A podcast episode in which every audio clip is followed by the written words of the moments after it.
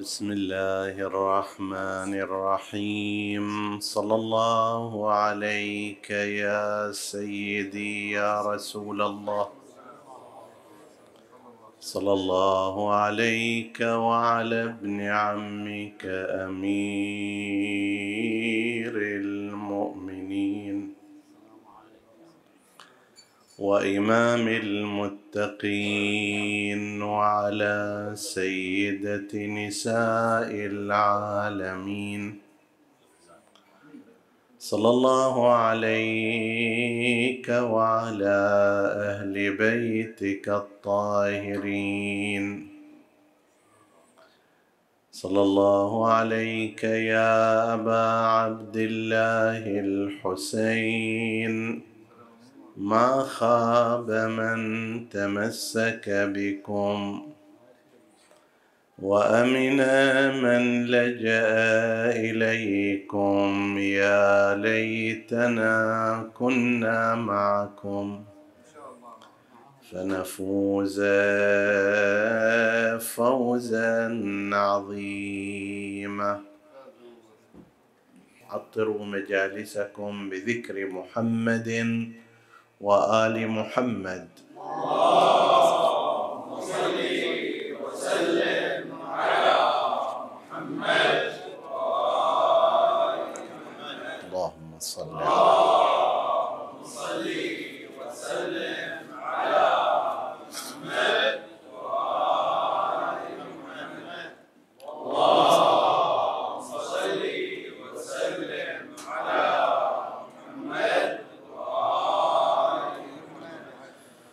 ورد في الرواية المعتبرة عن سيدنا ومولانا أبي عبد الله الصادق عليه السلام عن آبائه عن رسول الله صلى الله عليه وآله أنه قال إن الله خلق نور فاطمة قبل أن يخلق السماوات والأرض. فقال بعض من حضر لرسول الله صلى الله عليه وآله أوليست إنسية؟ فقال فاطمة حوراء إنسية. صدق سيدنا ومولانا رسول الله صلى الله عليه وآله وسلم.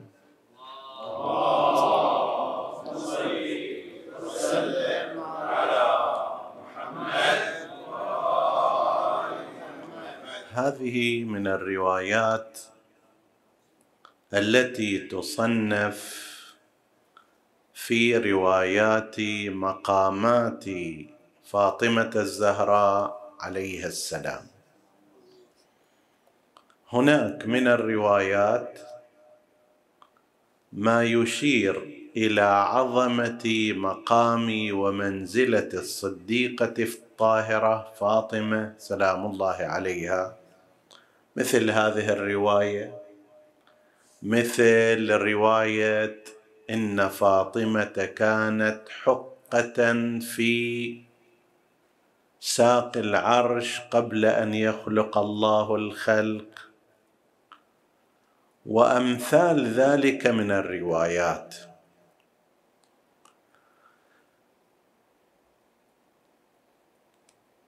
هناك توجه عند قسم من الناس من المسلمين عموما ينتهي إلى عدم قبول روايات المقامات والمناقب والمنازل الرفيعة.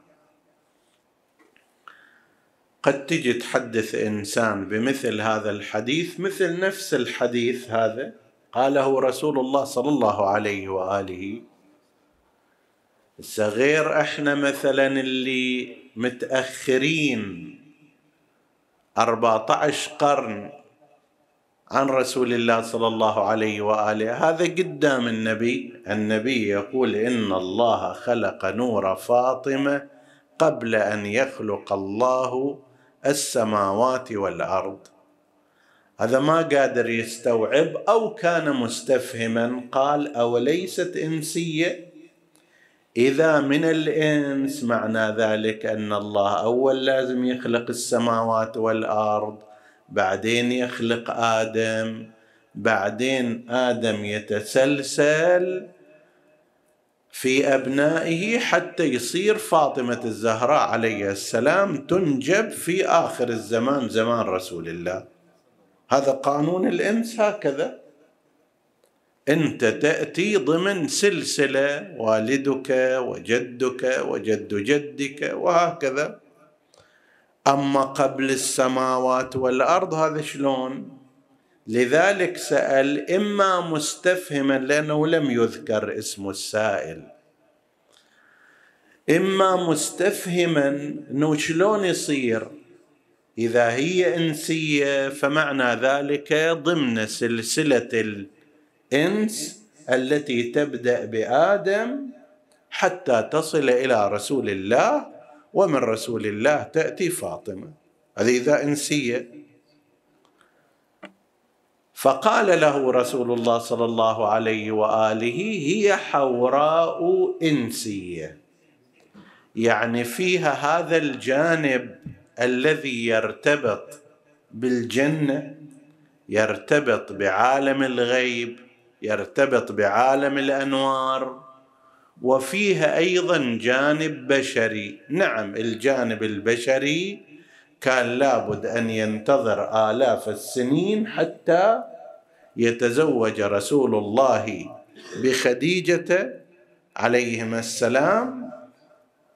فتأتي فاطمة كإنس كبشر. وأما وجودها النوري حسب التعبير فهو سبق هذه المراحل بمراحل كثيرة. إذا نريد نسوي تقريب إلى هذا المعنى حتى لا يستوحش ذهن الإنسان منا أنت الآن الجالس تسمعني الك عوالم كثيرة مررت بها. وتمر بها إلى أن تصل إلى الجنة إن شاء الله. من تلك العوالم عالم الذر كنا أنا وأنت والخلائق والبشر في عالم آخر قبل هذا العالم الذي نعيشه وإذ أخذ ربك من بني آدم من ظهورهم ذريتهم وأشهدهم على أنفسهم. قال ألست بربكم؟ قالوا بلى. وين هذا؟ في عالم آخر. كم عمر هالعالم؟ لا نعدد لا نعلم. ملايين السنوات أكثر لا نعلم. لكن الآية المباركة والروايات الكثيرة والأدلة العقلية تشير إلى أن الخلق تعرفوا إلى خالقهم بعد أن عرفهم نفسه وبذلك أقام عليهم الحجة. الآن أي إنسان حتى لو رسول ما يوصل إلى يهتدي بفطرته وبعقله إلى أن هناك خالقا وربا ومدبرا رحيما. هذا جزء كبير منه ناتج على أثر التعرف على الخالق في ما يسمى بعالم الذر. اصطلح عليه في علم الكلام عالم الذر. فأنت عندك عالم الذر واحد بعدين عندك عالم الأرحام والأصلاب. قبل قبله عالم كونك نطفة في صلب والدك ثم عالم الأرحام عالم أمك ثم عالم الوجود هذا وهكذا سيرورة ثم عالم البرزخ ثم عالم الجنة إن شاء الله تعالى لجميع من يسمع. زين. إذا كان هذا الأمر لأي إنسان موجود فايضا هناك عوالم أخرى للذوات المقدسة. شنو معنى كنت نبيا وآدم بين الماء والطين؟ يعني قبل أن يخلق ويكون. آدم قبل أن يأخذ صورته البشرية قبل أن ينفخ الله فيه من روحه كان في عالم التقدير أن نبينا المصطفى محمدا.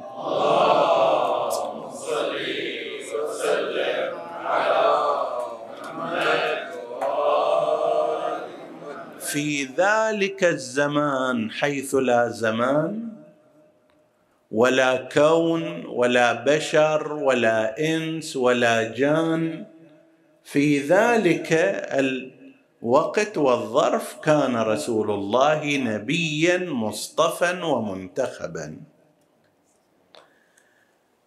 بمقدار ما يخبرنا عنه المعصومون يخبرنا عنه القرآن إحنا نقدر نطلع على هذه العوالم.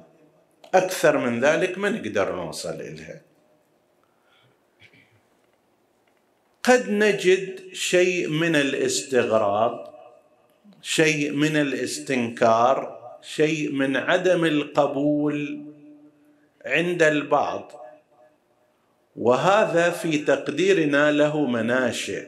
قد تقول رواية حول مقام الزهراء حول مقام رسول الله حول مقام أمير المؤمنين عليهم السلام أو حول مقامات الأئمة.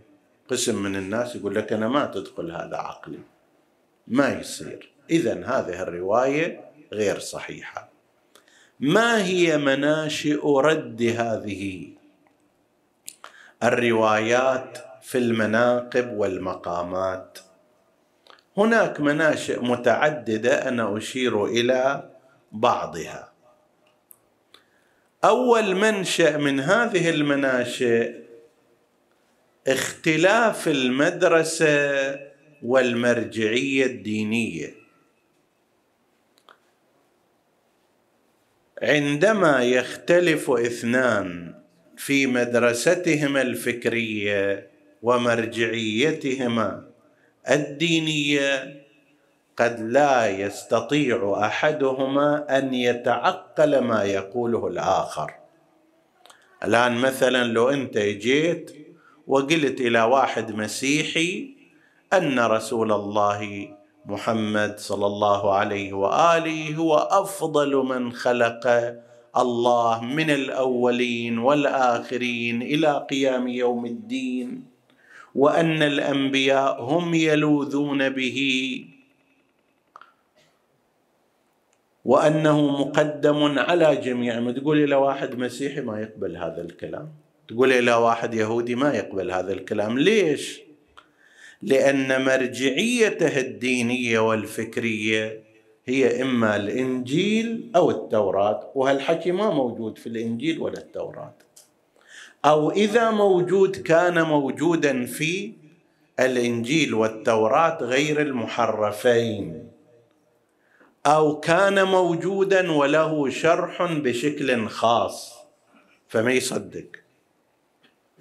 تأتي وتتحدث إلى رجل من مدرسة الخلفاء أن فاطمة عليه السلام حوراء إنسية وأنها سيدة نساء العالمين من الأولين إلى الآخرين. طيب وأنها تخلقت وتكونت من طعام الجنة.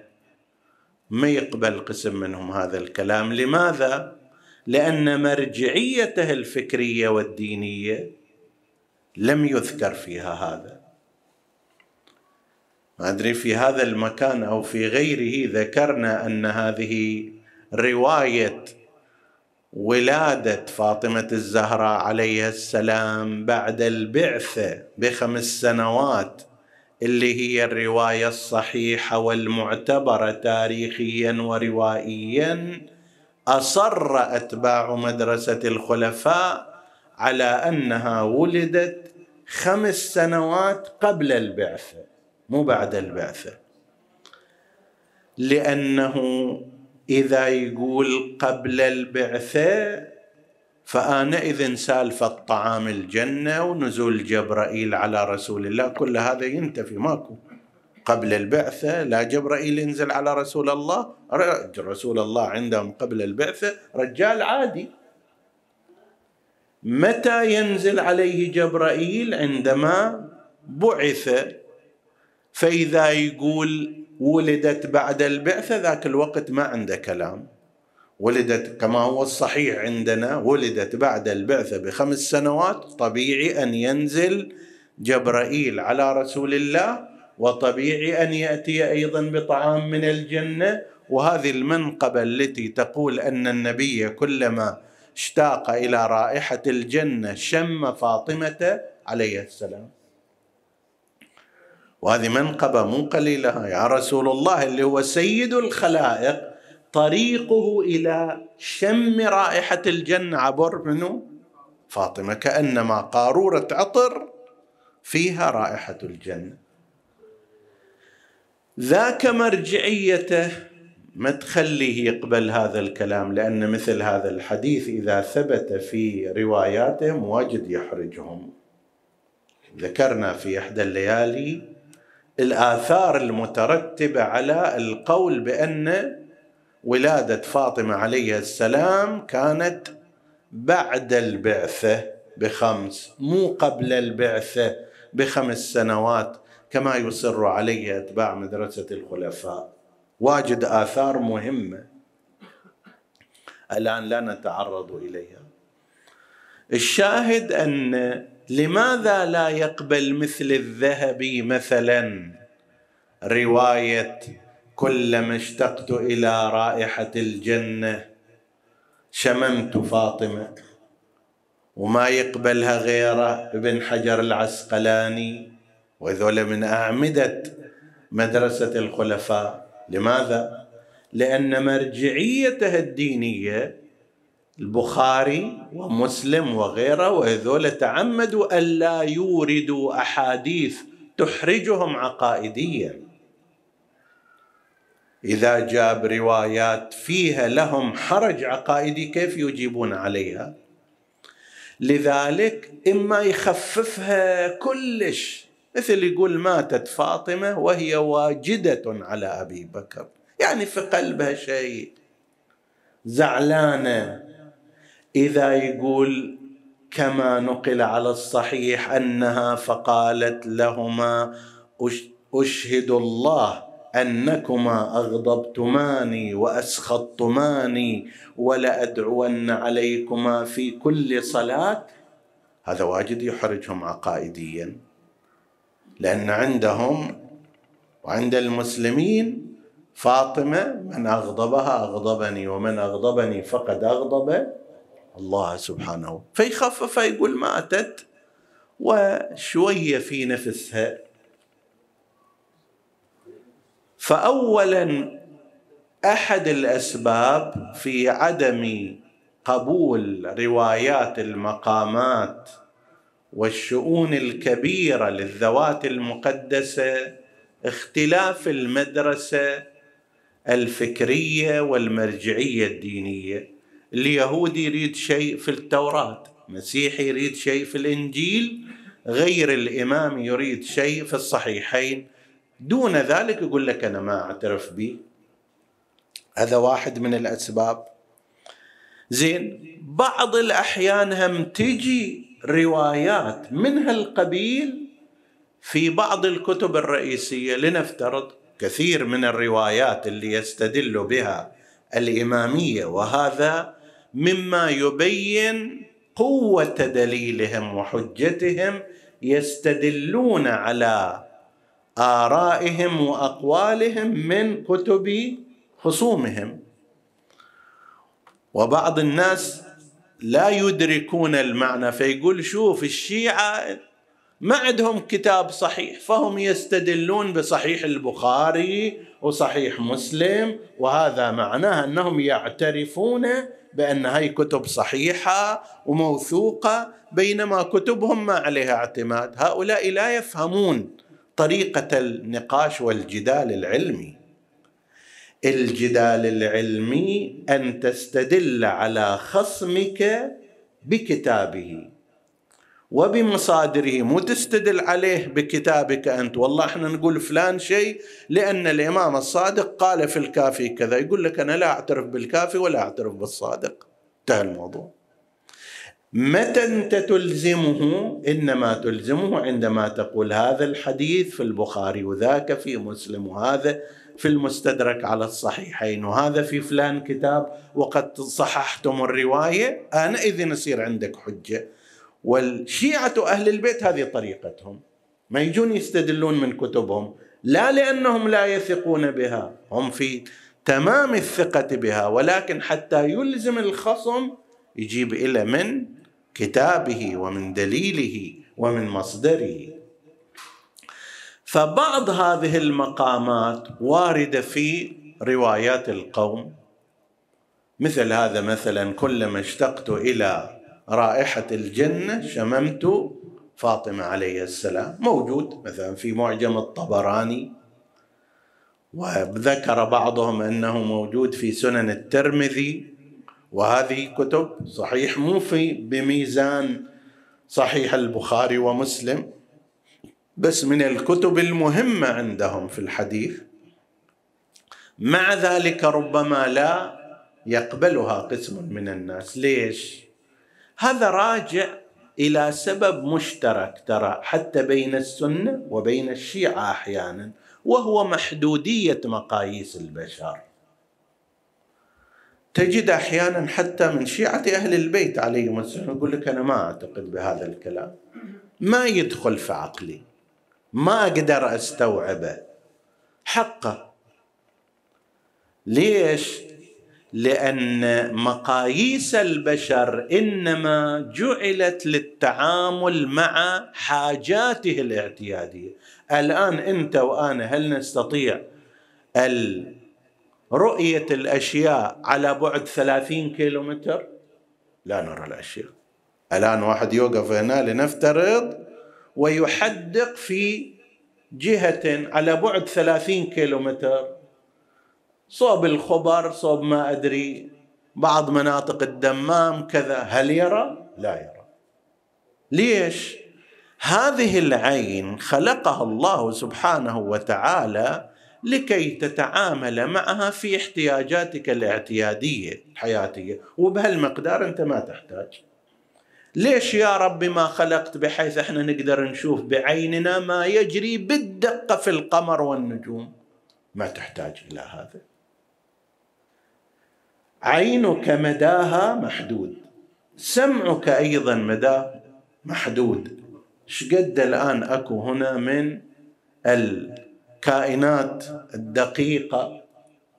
موجود في الجو موجود في الأرض موجود. حتى هذه الكائنات الدقيقة البسيطة هذه نملة مثلا. هل تسمع عندما تتحرك النملة على السجاد أو في التراب؟ هل تسمع حركتها؟ لا تسمع. مع انه إلها صوت.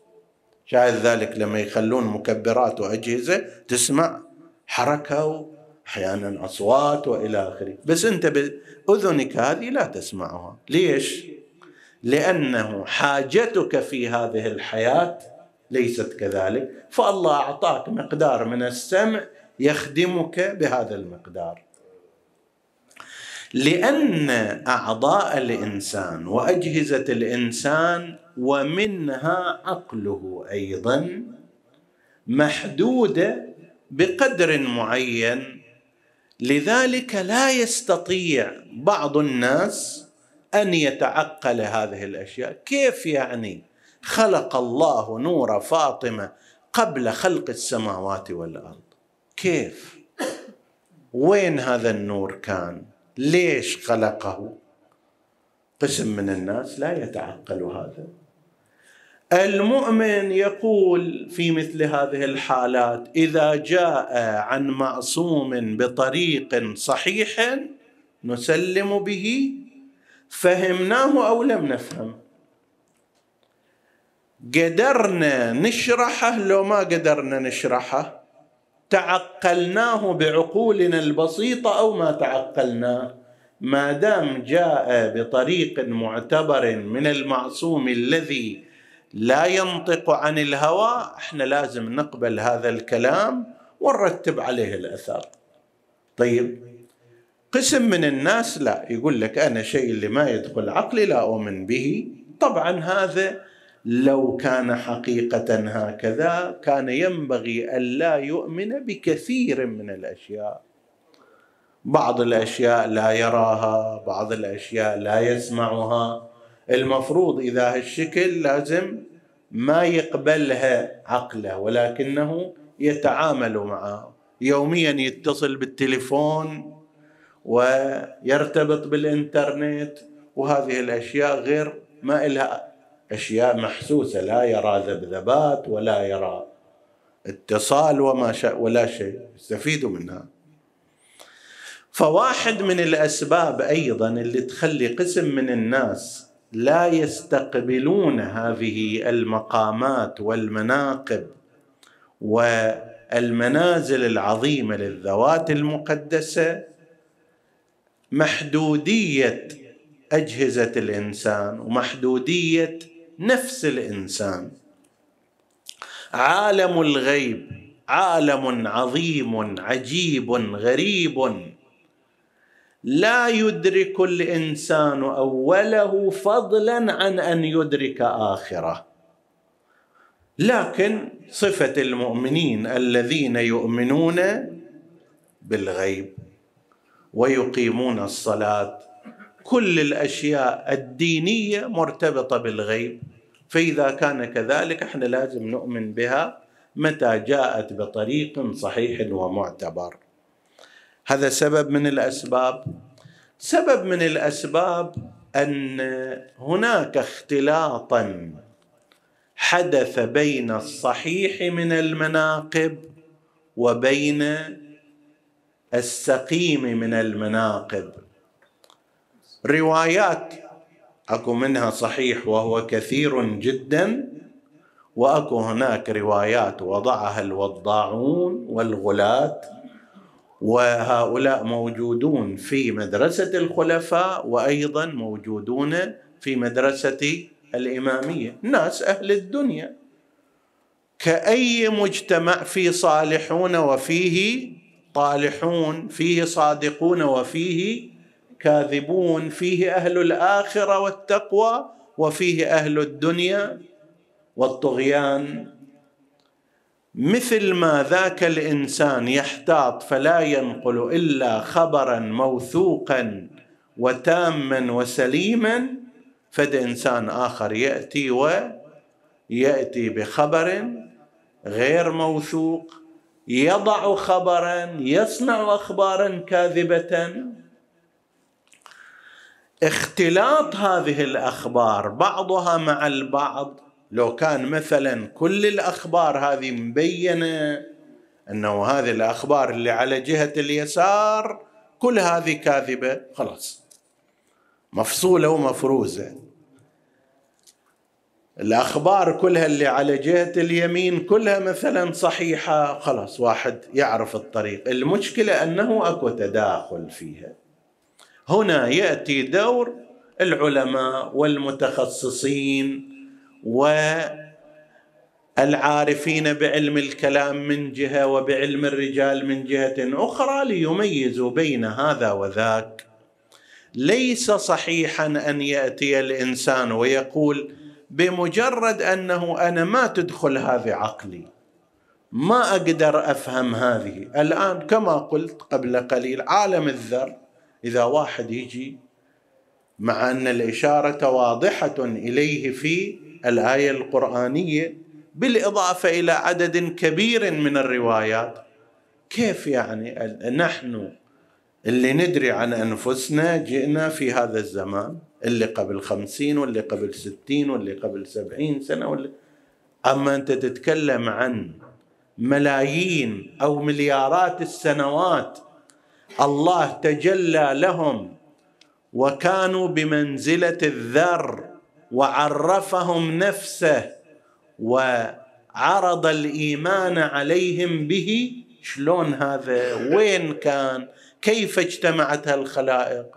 صعب على الإنسان إذا يريد يقيسه بمقاييسه الاعتيادية. لكن حيث أنها جاءت في القرآن الكريم بتفسير المعصومين عليهم السلام وبالروايات الصحيحة نحن نقول حتى وإن لم نتفهم تفاصيلها الكاملة لكننا نؤمن بها على سبيل الإجمال نعتقد بها. تقول لي اشرحها بالتفصيل؟ لا أعلم. أعلم أن شيئا من هذا القبيل موجود أشير إليه في القرآن الكريم ذكرته الروايات بهالمقدار اللي أشير إليه وذكرته الروايات نحن نؤمن به.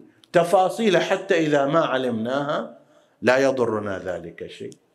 كنت نبيا وآدم بين الماء والطين يقول النبي زين كنت في أي صورة في ذاك الوقت؟ صورة نورية غير ذلك؟ كيف كنت يا رسول الله في ذلك الوقت؟ ليس عندنا معلومات مفصلة؟ بهالمقدار اللي عندنا مثل الروايات نؤمن بها ونعتقدها قلبيا ونسلم بها؟ هناك فكرة أيضا وهي أن أحيانا قد يكون منشأ منشأ عدم قبول مثل هذه الروايات. أن الإنسان يجي يقيس الأمور على نفسه. كيف فاطمة الزهراء تصير هالشكل؟ زين بهذه المنزلة بينما مثلا في مدرسة الخلفاء أكبر رأس فيهم مثلا كان يعبد الأصنام قبل ذلك كان عنده مشاكل كذا وكذا. كيف يصير؟ بينما هذه منتخبة ومصطفات منذ مليارات السنوات وخلقت قبل خلق السماوات والأرض. كيف هذا يصير يعني؟ عندما تأتي في صفات رسول الله وأمير المؤمنين والأئمة المعصومين عليهم السلام يجي الواحد يقول زين أنا أشوف نفسي أضعف أمام الهوى وأمام الشهوة وبالكاد أصلي هذه الصلاة. من منازل الإمام عليه السلام أنه كان إذا صلى ينقطع عن هذه الدنيا شلون يصير؟ أنا أول ما أبدي في صلاتي أشتغل في البيت اللي أبنيه إلى أن تخلص الصلاة وأنا بعدني في الصبية حسب التعبير. لا أدري متى قلت سبحان الله ولا الحمد لله ولا الفاتحة ولا غير ذلك. أجي أصدق أن واحد ينخلع عن الدنيا بالكامل ولا يفكر إلا في خالقه. أحيان كثيرة الإنسان يشوف ضعفه يشوف صغاره يشوف خضوعه لهواه وشهواته. فلا يتصور أن سائر الناس هم إلا على هذه الطريقة. وهذا كثير ممن عاصر المعصومين عليهم السلام لا يصدقون بالأمور إلى أن يصطدموا بالحقيقة. مثلا في قضية العلم. العلم له طريقة اعتيادية الإنسان يحصله. يروح يقعد في الدرس سنة وسنتين وعشر وعشرين إلى أن يصير شنو؟ عالم كبير. من دون المرور بهذه ما يصير عالم. زين. الإمام الجواد عليه السلام عمره تسع سنوات يجي. يسأله في مجلس واحد مختلف المسائل آلاف المسائل. من بينها مسائل في الفقه من بينها مسائل في القرآن من بينها مسائل في اللغة من بينها مسائل في الكلام من بينها من بينها. طيب كيف يصير أن واحد عمره تسع سنوات يجيب على كل هذه المسائل؟ متى تعلم؟ متى درس؟ متى حفظ متى متى؟ الإمام الرضا عليه السلام لما صارت إمامته صلوات الله وسلامه عليه أحد أصحابه يقول أنا رايح إلى البصرة. جاء إلي قال له في المدينة قال أنا رايح إلى البصرة. وأكيد سيسألونني عن أدلة الإمامة مالتك فبماذا أقول لهم؟ قال لهم قل لهم هو يجيكم بعد ثلاثة أيام. في اليوم الثالث راح يكون هنا يجي واسألوه. ففي اليوم الثالث فعلا وصل فدعي إليه كل من كان له علم ومعرفة من مختلف المذاهب ومختلف الاتجاهات.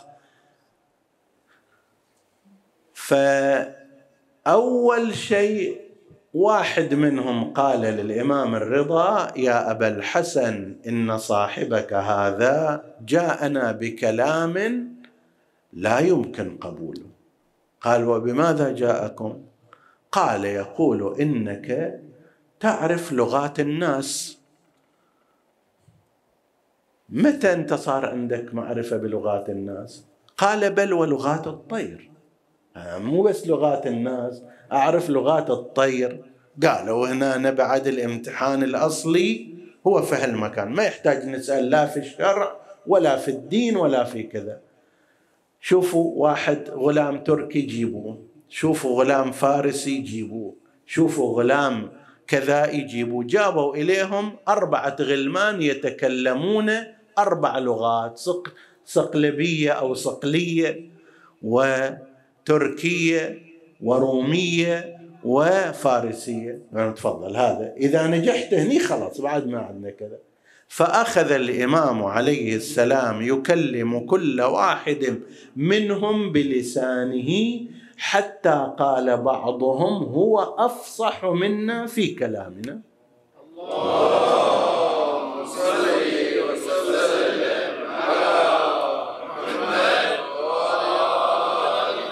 زين. هذا متى تعلم الفارسية؟ تو في ذاك الوقت عندما جاءت الإمامة إليه صلوات الله وسلامه عليه.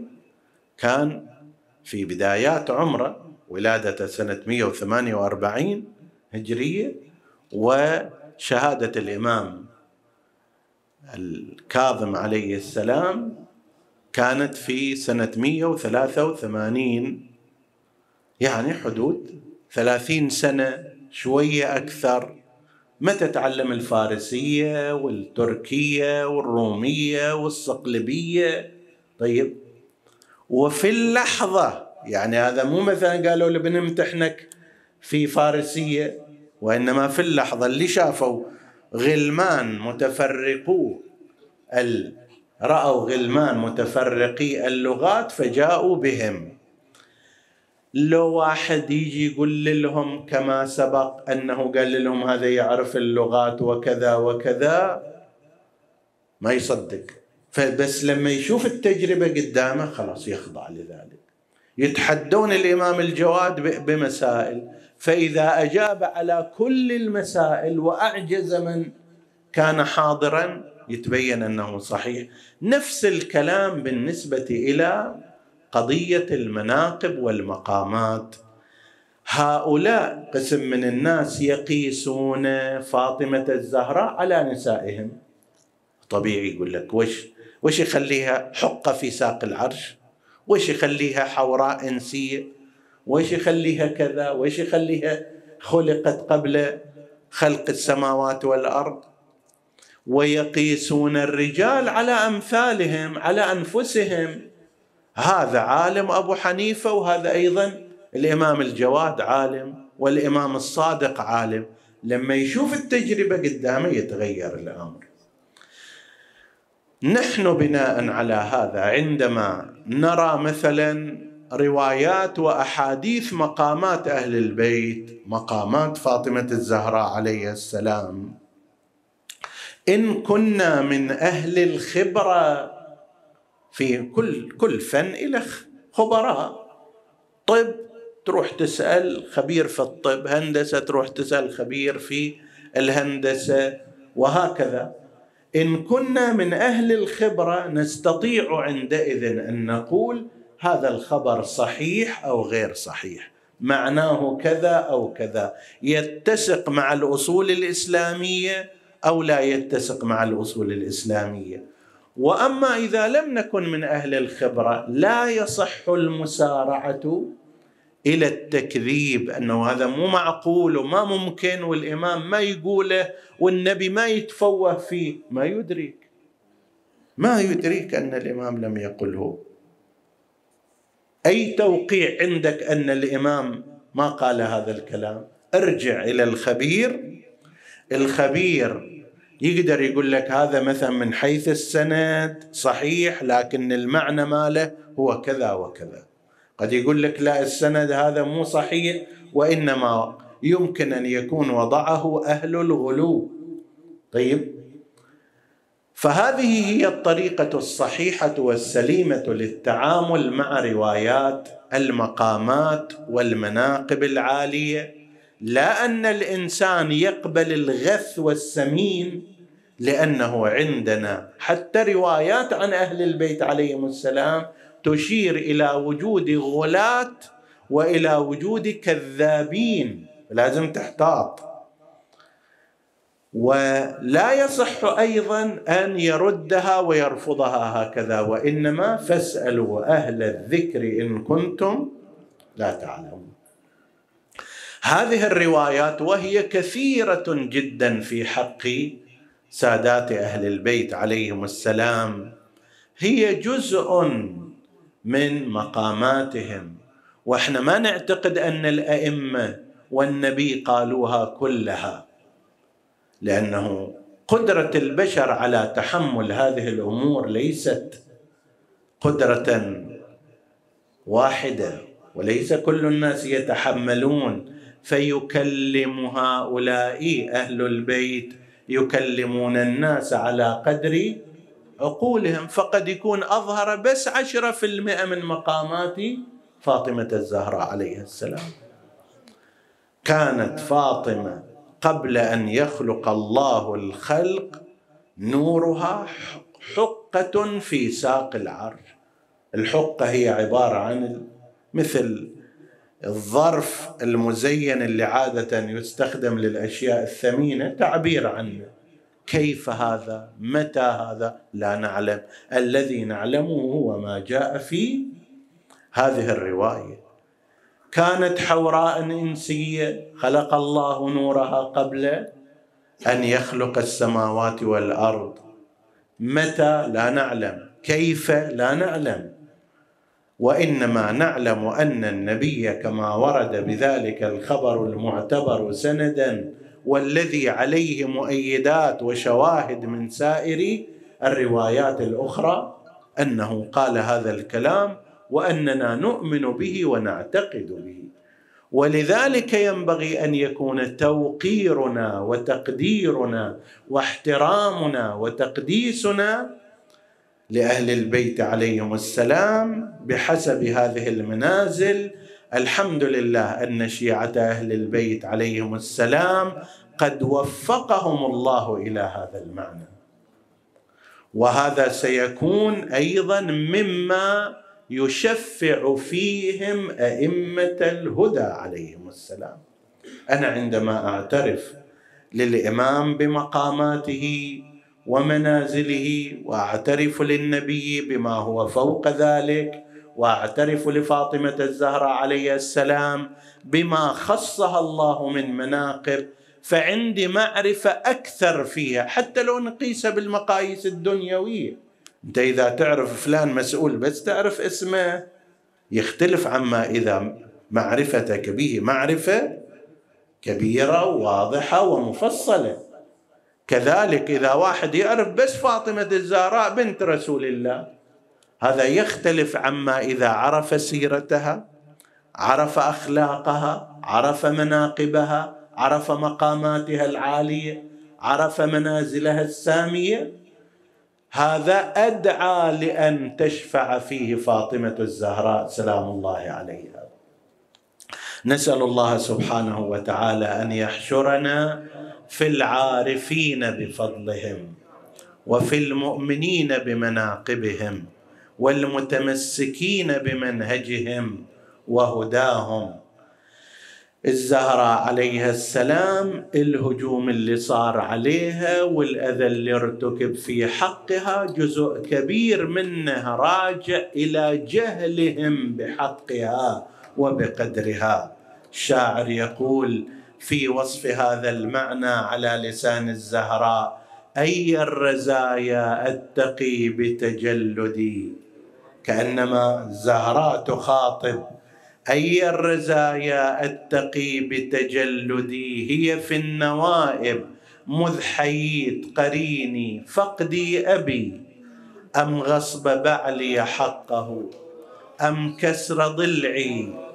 أم سقوط جنيني؟ أم غصبهم إرثي وفاضل نحلتي؟ أم جهلهم قدري وقد عرفوني؟ يدرون أنا بنت النبي يدرون أنا فاطمة بنت رسول الله يدرون ما قاله النبي فاطمة بضعة مني شجنة مني روحي التي بين جنبي ولكن مع ذلك هجموا على دارها. حتى أسقطوها جنينها ومضت صلوات الله وسلامه عليها من هذه الدنيا كئيبة حزينة مظلومة مهضومة. السلام على المهضومة حقها المكسورة ضلعها المقتول ولدها. مو بس المحسن قتل في ذلك اليوم بل قتل الحسين في ذلك اليوم. مشاعر يقول فبكسر ذاك الضلع ردت أضلع. مو ضلع واحد وإنما ردت أضلع في طيها سر الإله. مصون وكذا علي قوده بنجاده. فتحت تلك المصيبة باب المصائب على أهل البيت عليهم السلام. علي بن أبي طالب تم قوده بنجاده راح يصير علي آخر أيضا يساق بحبل وفي رقبته الجامعة. وكذا علي قوده بنجاده. فله علي في الوثاق قرين وبزجرها في صوت قنفور الرواية المعتبر عن الإمام الصادق عليه السلام يقول إن أمي فاطمة ماتت وإن في عضدها مثل الدملج من الضرب. يعني شلون السوار يلتف على إيد المرأة كأنما هذا الضرب بالسوط سوى إليها سوار سوار من ألم سوار من كدمات وبزجرها في سوط قنفذ والشحات. بالطف من زجر لهن متون. ذلك الصوت الذي ضرب فاطمة هو الذي ضرب زينب عليها السلام. وباقي بنات الزهراء سلام الله عليها. لكن أكو فرق يا أيها الشاعر سياط أكو. سقط الجنين أكو أيضا هنا وهناك. هذا الجنين أنت الجنين ورضي عبد الله الرضيع وراح أيضا. لكن أكو في كربلاء في خصوصية. قال ما هي الخصوصية؟ قال لكنما رفع الرؤوس على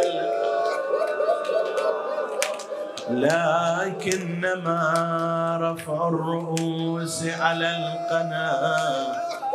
أدهى وإن سبقت به صفين كل كتاب الله. يا مثل ما رفعوا المصاحف على الرماح هناك أيضا رفعوا الرؤوس التي تقرأ القرآن. كل كتاب الله هذا صامت فيهم وهذا ناطق ومبين. رأس الحسين على ذلك الرم. يرتل القرآن. هذا هو القرآن الناطق. قال أرباب الخبر عندما بدأ يتلو القرآن. رفع اللعين صوته. ضرب رأس الحسين. ضرب رأس الحسين. ما يسكت الحسين عن القرآن لكن عندما استدار وظل يضرب النساء بذلك الصوت سكت رأس الحسين عليه السلام. كأني بزينب يا شيال رأس لا لوحة هبط عن بقايا الروس. الرمحة يا أخاف يفوت ريح الهوى بجرحة. وصواب عليه يقوم يسعر. رأت الرمح زينب حين مال وعليه رأس الحسين تلالا. خاطبته مذ لاح يبدو هلالا. يا هلالا لما استتم كما غاله خسفه فأبدى. غروبا ما توهيمت يا شقيق فؤادي. كان هذا مقدرا مكتوبا. نسألك اللهم وندعوك باسمك العظيم الأعظم. الأعز الأجل الأكرم يا الله. اغفر لنا ذنوبنا كفر عنا سيئاتنا. آمنا في أوطاننا لا تسلط علينا من لا يخافك ولا يرحمنا. ولا تفرق بيننا وبين محمد وآله طرفة عين. احفظ اللهم إخواني السامعين فردا فردا واقض حوائجهم. اشف اللهم مرضاهم لا سيما المرضى المنظورين ومن أوصانا بالدعاء. وتقبل اللهم عمل المؤسسين بأحسن القبول. إلى أرواح موتاهم وموتى السامعين. نهدي ثواب الفاتحة تسبقها الصلوات.